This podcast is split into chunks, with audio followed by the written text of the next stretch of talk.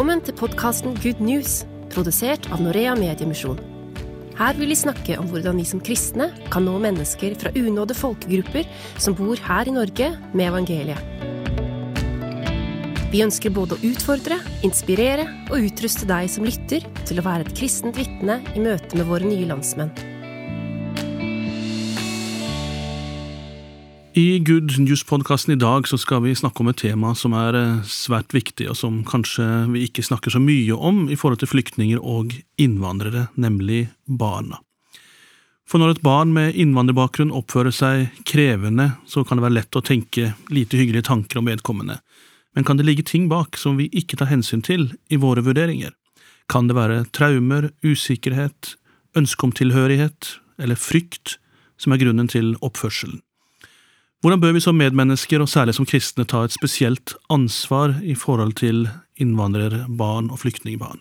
I dagens podkast har jeg med meg to damer som brenner særlig for barnas situasjon, og som har erfaring med dette på ulike nivåer, nemlig Anne Gro Holte og Janet Seierstad, tilknytta Misjonssambandet begge to, men Anne Gro også tilknytta KIA, Kristent interkulturelt arbeid. Et kjent afrikansk ordtak eh, sier It takes a village to raise a child, med andre ord, vi har et medansvar for barna som vokser opp i våre nabolag, selv om det ikke er våre egne barn. Og som kristne så burde vi kanskje føle et ekstra ansvar for de som ikke har norsk bakgrunn, eller hva er deres tanker om det? Jeg tenker jo at det er et spesielt ansvar for oss som er kristne. Og vi har også dette forankra i Bibelen. Jesus sier jo selv 'Jeg var fremmed, og dere tok imot meg', og det dere har gjort mot en av mine minste, det har dere gjort mot meg. Og jeg tenker det er et tydelig vers om at eh, vi også skal være med og bry oss og vise kristen nestekjærlighet til barna som kommer fra andre land og som bor i nærheten av oss. Men jeg har lyst til å lese ett bibelvers eh, til, for jeg tenker det er veldig viktig for oss å, være forankret i, det Bibelen lærer oss, uh, heller enn kanskje det politiske som er rundt oss, eller eller medier som, som kan skape uh, frykt og, og, andre tanker hos oss. Så fra Tredje Moses bok 1934, uh, 33 Når en innflytter bor i landet hos dere, skal dere ikke gjøre urett mot ham. Innflytteren som bor hos dere, skal være som en av deres egne landsmenn. Du skal elske ham som deg selv for dere har selv vært innflyttere i Egypt. Jeg er Herren, deres Gud. Hvis vi tør å, å se de som er rundt oss i nabolaget, som, som en del av det som er på en måte vårt nabolag, så tror jeg det blir en berikelse for oss. Er, altså dette med flyktningbarn og innvandrerbarn, hva, hva er det, tenker dere at de har med i bagasjen som, som vi bør være ekstra klar over, vi som uh, som er rundt? tenker at uh, flyktningebarn er veldig forskjellige, men så vet vi det at bare det å flytte kan være vanskelig for mange barn, også innad i Norge, og spesielt da for barn som kommer fra krig, som har opplevd og sett mye som barn absolutt ikke skal se. Uh, de kan ha med seg traumer og vanskelige ting i bagasjen. Og forskning viser at selv små barn som en tenker ikke har opplevd noe eller ikke har sett noe, de har også blitt påvirka av kanskje mors og fars gråt og blikk. Så det er viktig å være klar over at eh, disse flyktningbarna er det vel verdt å bry seg ekstra godt om. Spørsmålet for oss da, som sitter i, i trygge Norge, eh, hvordan kan vi eh, med vår manglende erfaring, de fleste av oss kanskje, som ikke har noe erfaring med traumer og ikke har forutsetning for å forstå det. Hvordan kan vi møte dette, Janet? Du har vel også litt egne erfaringer, kanskje du kan eh, og tanker rundt akkurat det spørsmålet der? Ja, jeg hadde en interessant opplevelse et par år siden når det var en uh, flyktninger som begynte å komme fra, fra Syria, og jeg, snakket jeg, jeg hadde en liten ventepause i en blomsterbutikk, og der var det en mann fra Syria, uh, og så vi begynte å bare småprate, og så nevnet han dette med traume, og at han opplevde at nordmenn uh, kunne ikke forstå traume, og, og kunne ikke, ja, så, så, jeg nevner for ham at uh, men, men uh, jeg er interessant, jeg vil lytte, så han begynte å dele litt. Uh, og etter han hadde delt bare litt, så, så, plutselig inviterte han meg der i blomsterbutikken til å, til å, dele litt mat med dem, og det høres veldig rart ut, men jeg skjønte at de, de hadde behov for å, å ha den tilhørighet og, og, dele noe sammen, og så kan vi si kanskje det stemmer at vi har hatt et en generasjon med et veldig godt liv her i Norge, og, og kanskje vi har forvaltet uh, forvaltet uh, penger og sånn på en, en, fornuftig måte. Og de som kommer til oss, kanskje de har uh, opplevd sterke ting som er vanskelig for oss å, å få tak i, men jeg, jeg, tenker vi kan være undrende, vi kan lære å stille gode spørsmål for så å forstå fra deres ståsted hvordan det er for dem. Hmm. Eh, Anne Gro, du, du, har, eh, når vi har snakka på forhånd, så har du snakka om, om fyrbøterne bak i hjernen. Det jo, høres jo spennende ut. Hva, hva, er du, eh, hva, er det du, tenker om det? Hva er det for noe? Ja, disse barna da som kommer med traumer, da tenker jeg det er viktig for oss som er rundt å vite litt om det. og Traumeforskere har jo snakka noe om den tredelte hjernen. Eh, en beskrivelse av hvordan bankene hadde, at eh, øverste delen, der sitter kapteinen som eh, formidler fornuften, og i den midterste så sitter maskinisten og formidler gjennom følelser, og nederst har vi fyrbøteren som står for energi og gir kick ved behov. Og når fyrbøteren hiver på kull, så pumpes det adrenalin, og da på en måte så forlater kapteinen skuta, forlater han broa. Så når for eksempel et barn er redd eller urolig, så er det ikke tilgjengelig for vanlig fornuft alltid. Eh, da er det de gamle erfaringene som trer i funksjon. Et barn kan jo oppleve ting som trigger, for eksempel lyder, lukt, bråk, eh, og da settes det i gang funksjoner som ikke er helt fornuftig eller alltid planlagt. Og det er viktig at vi vet om det, vi som ser barn som kanskje er litt mer eh, krevende, utagerende enn det vi, eh, det vi ønsker rundt oss. Eh, og vite det at det kan være traumer som ligger bak, og de kan ikke selv noe for den oppførselen de har. Mm, mm.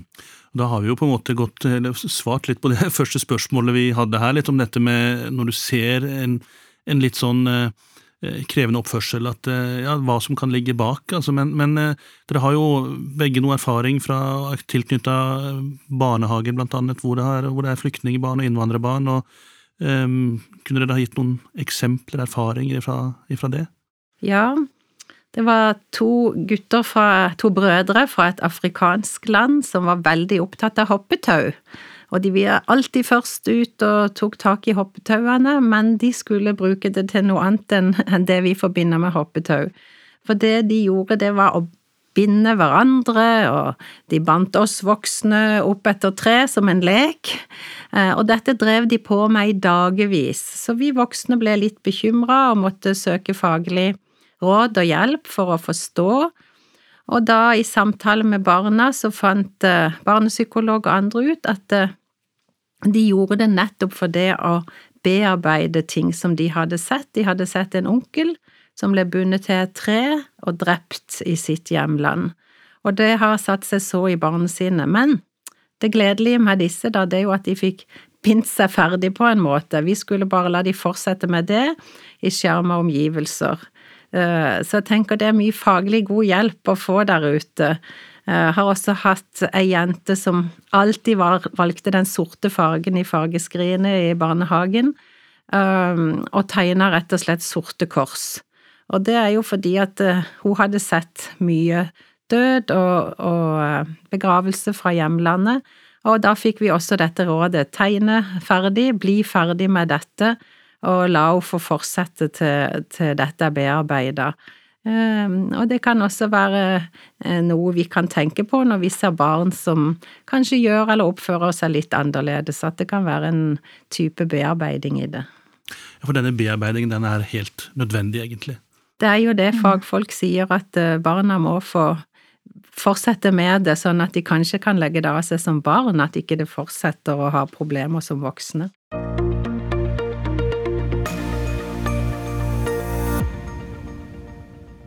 Ja, du lytter til eh, Good News-podkasten fra Norea Mediemisjon, og vi snakker om et viktig, men et krevende tema i dag, nemlig flyktninger og barn. og Manglende tilhørighet, utenforskap og manglende aksept det er ord som vi ofte hører når det er snakk om barn og ungdom i dag, og kanskje er det ekstra viktig å snakke om dette i forhold til barn som er flyktninger og innvandrere. Ehm, og Tilhørighet det er viktig for oss alle sammen. og eh, Hvordan merker du at dette er en ekstra utfordring for mange som ikke har norsk eh, bakgrunn, eh, Anne Gro Holte? Ja, mange av disse barna har jo selvfølgelig ikke de samme sosiale kodene som barn som er født og oppvokst i Norge. Det ser vi jo tydelig i lek, for eksempel, at en viktig ting i barnehagen for flyktningbarna, det er jo å lære å, å leke rollelek å bli med, og ikke måtte dytte eller slå for å være med i leken, men legge til rette sånn at disse kan bli med. Og de har jo så mange eh, gode eh, erfaringer sjøl å tilføre oss, eh, men det er ikke alltid det blir telt med på den samme måte som et norsk barn. For eksempel disse barna som kanskje snakker flere språk, har reist verden rundt, i store fly. Eh, det teller liksom ikke. I mange barnehager og skoler også, så det som teller er å ha vært i Legoland mm. eller vært på Hovden eller sånne ting. Så det er viktig at vi løfter opp disse innvandrerbarna og alle de gode ressursene som, som de har med seg og kan fortelle om. Så Legoland blir viktigere enn eh, Afghanistan eller et annet land som de Det kan av og til være sånn, ja. Mm. Um, Janet, hva, hva, opplever du er hovedutfordringen for barn og unge når de kommer til Norge fra, fra et annet land? Og her snakker vi jo gjerne også om, om eh, flukt fra krig og uro. Vi, den Syria er nevnt her, men vi, jo, vi, snakker om Afghanistan, som også er nå oppe i, i bevisstheten vår akkurat i den tida vi er i nå, med, med situasjonen der. Eh, hva er dine tanker om det? Jeg synes det er et svært vanskelig spørsmål og for meg å, å, svare på det når jeg selv har ikke opplevd det. Så jeg føler som uh, jeg er feil person til å spørre, men, men jeg tenker at um, de bærer med seg ganske mye som, som vi ikke ser. Uh, men, men, jeg kan fokusere på i hvert fall at uh, en av utfordringene kan være språk. Språk i det nye landet.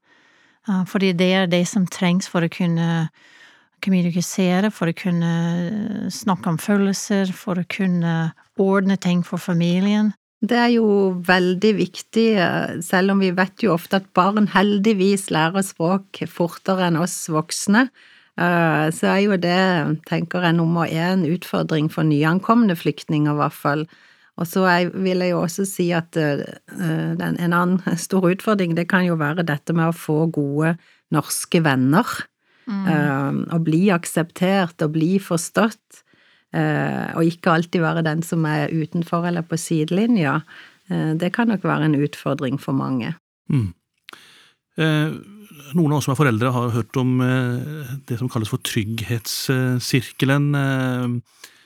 Eh, du kan jo forklare litt hva det er for noe, kanskje også, Janet, men, men også kanskje ikke minst hvordan den ser ut for et barn som er flyktning, i forhold til et barn som er, eh, som er norsk, eller et barn Det er jo klart, norske barn kan ha sine utfordringer, men man er tross alt de fleste vokst opp i relativt trygge omgivelser, hvis en sammenligner med, med, med krig og, og, og flukt. Mm.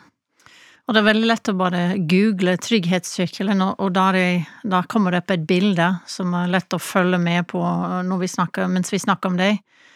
Uh, og, og, jeg tenker at uh, forskning viser at barnet som opplever traume, på en måte så, så det er en, en, del av beskyttelse, hvor de tar ikke inn altfor mye, og de er på en måte beskyttet, men, men langvarig så kan barn oppleve det fordi foreldrene er traumatisert så, så blir den trygghetssirkelen uh, forstyrret, da.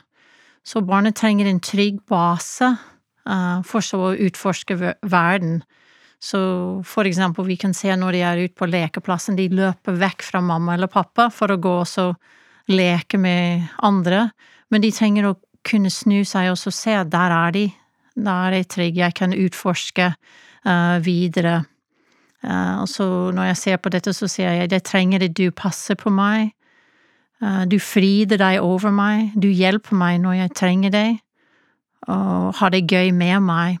Og så nettopp hvis det er en en familie som er traumatisert, så kan det ikke være nok, kan det hende de har ikke nok overskudd til faktisk å gjøre disse ting. Passe på barnet, fride seg over dem, hjelpe dem når de trenger det, og ha det gøy med dem, leke med dem. Det kan være en utfordring. Og så trenger de en sikker haven. Mm. Uh, så jeg trenger at du beskytter meg, du trøster meg, viser godhet for meg, organiserer følelsene mine og nettopp når du har kanskje levd i krig, så, så blir det såpass mye forstyrrelse at kanskje foreldrene selv har vokst opp uten disse ting, så hvordan skal de da gi det videre til barnet? Mm. Så de trenger gode og trygge folk rundt dem som kan hjelpe med det.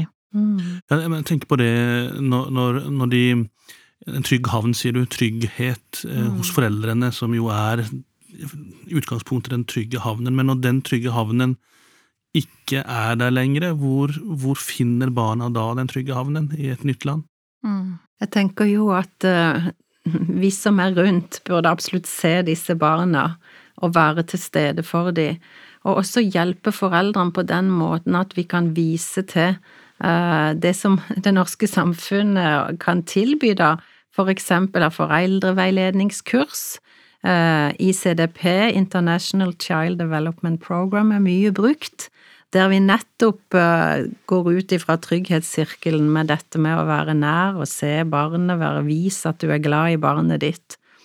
Og uh, veldig glad for å være en sånn foreldreveileder innen dette systemet, og kunne, for det har gjort veldig mye for mange, og um, mange gode historier som som gjenspeiler at disse foreldrene vil så gjerne, men så går det ofte på det at de selv er prega av krig og flukt, og, og en kan tenke på bare hvis barna snakker bedre norsk enn mor og far, åssen mm. vil ikke det føles ut av underlegenhet og tap av verdighet? Så vi bør være støttende og vise til det som finnes av gode hjelpemidler for, for mm. foreldrene også.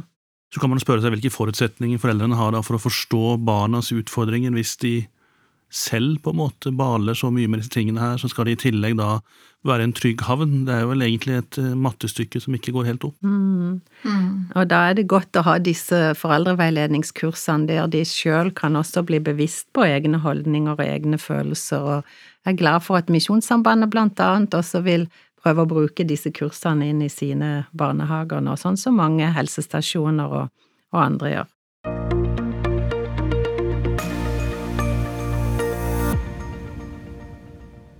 Det er Good News-podkasten du lytter til fra Norea Medievisjon, og vi snakka nå nylig, nettopp i forrige bolk, om tilhørighet, som er viktig for oss alle, men som slett ikke er noen selvfølge for barn av innvandrere og flyktninger som kommer til Norge, og for å føle tilhørighet så trenger man som oftest noen som inviterer inn, noen som åpner dører og som sier velkommen, og eh, det er jo fort å bli opptatt av problemene her, eh, Anne Gro, men eh, du som har jobba mye med dette her, du har helt sikkert også noen såkalte solskinnshistorier, eller, eller, eller historier om ja, som har satt spor mm. positivt også på dette her. Mm.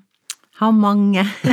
og jeg tenker ikke minst det at uh, våre nye landsmenn, som de ofte blir kalt, også har så uendelig mye som de beriker oss med. Mm. Uh, så veldig mye som vi kan lære og, og vokse på selv. Um, men en solskinnshistorie uh, i valg av mange så kan det være den muslimske mora, fembarnsmora, som strevde veldig i både ekteskap og, og, i livet sitt. Veldig krevende situasjon hun var i. Hun møtte ei kristen kvinne eh, i ei bygd ikke så langt unna oss.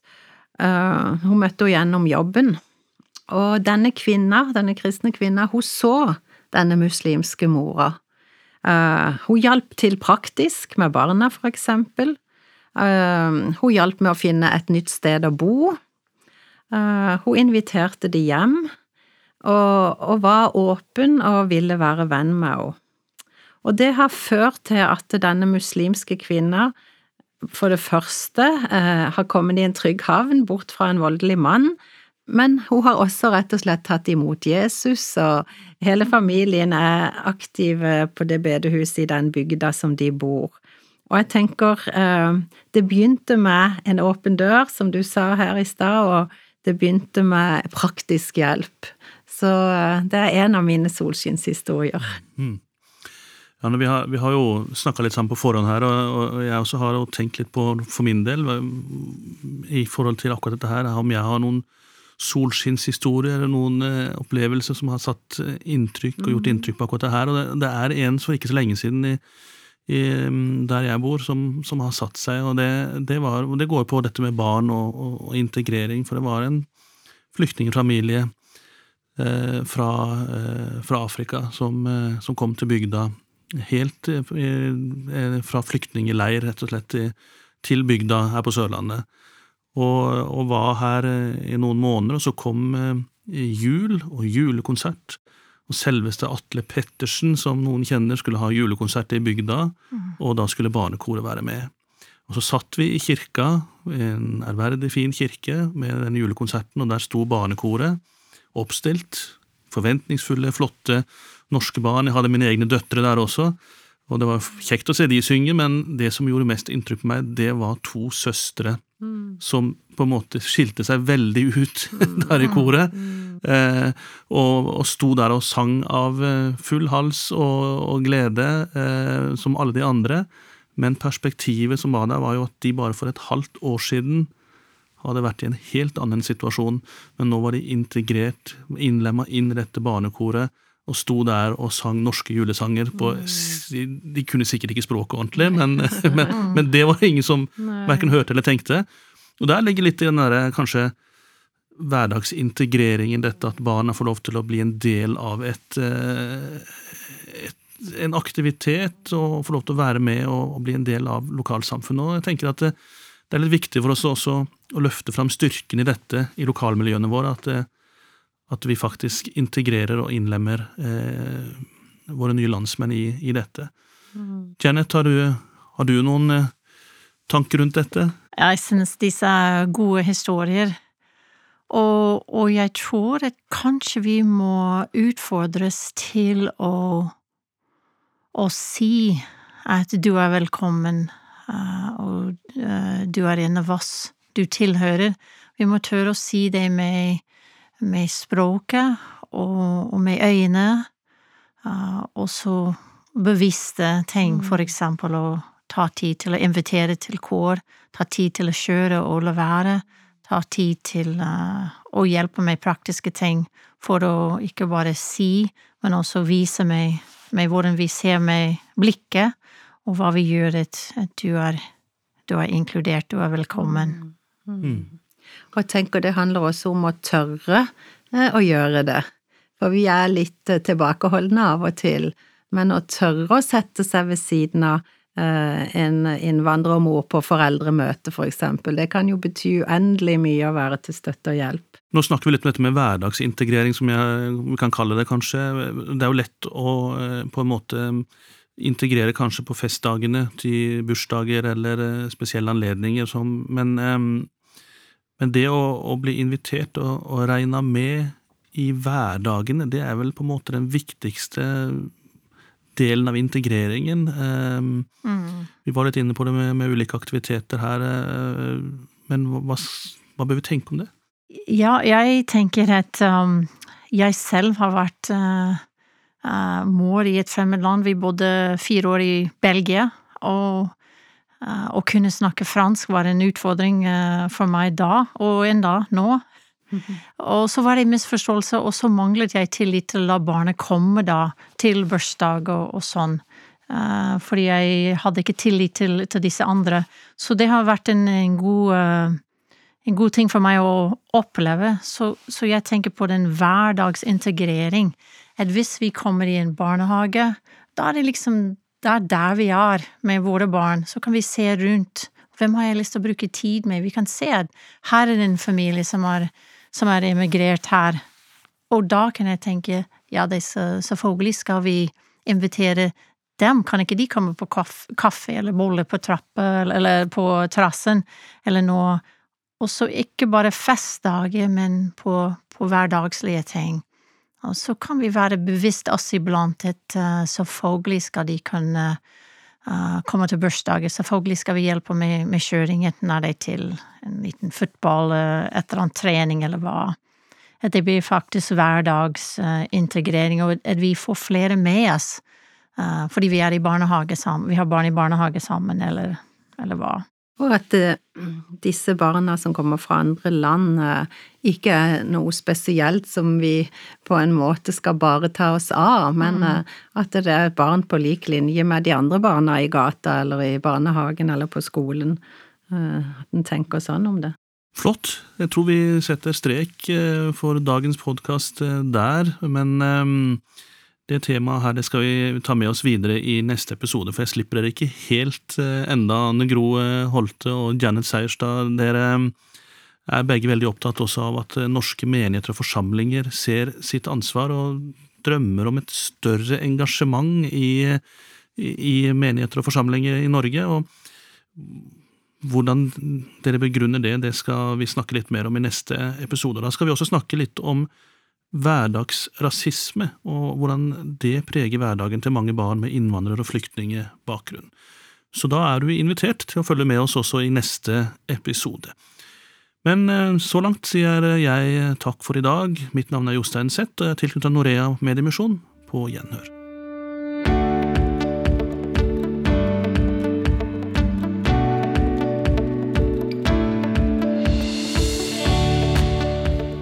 Du har lyttet til podkasten Good News fra Norea Mediemisjon. Ta gjerne kontakt med oss om du har spørsmål eller kommentarer. Send e-post til goodnews-norea.no Altså good news i ett ord. Krøllalfa norea.no. Et godt tips er også å laste ned appen Good News Media og kontakte oss gjennom den. Der vil du finne flere episoder i denne podkasten og masse andre ressurser.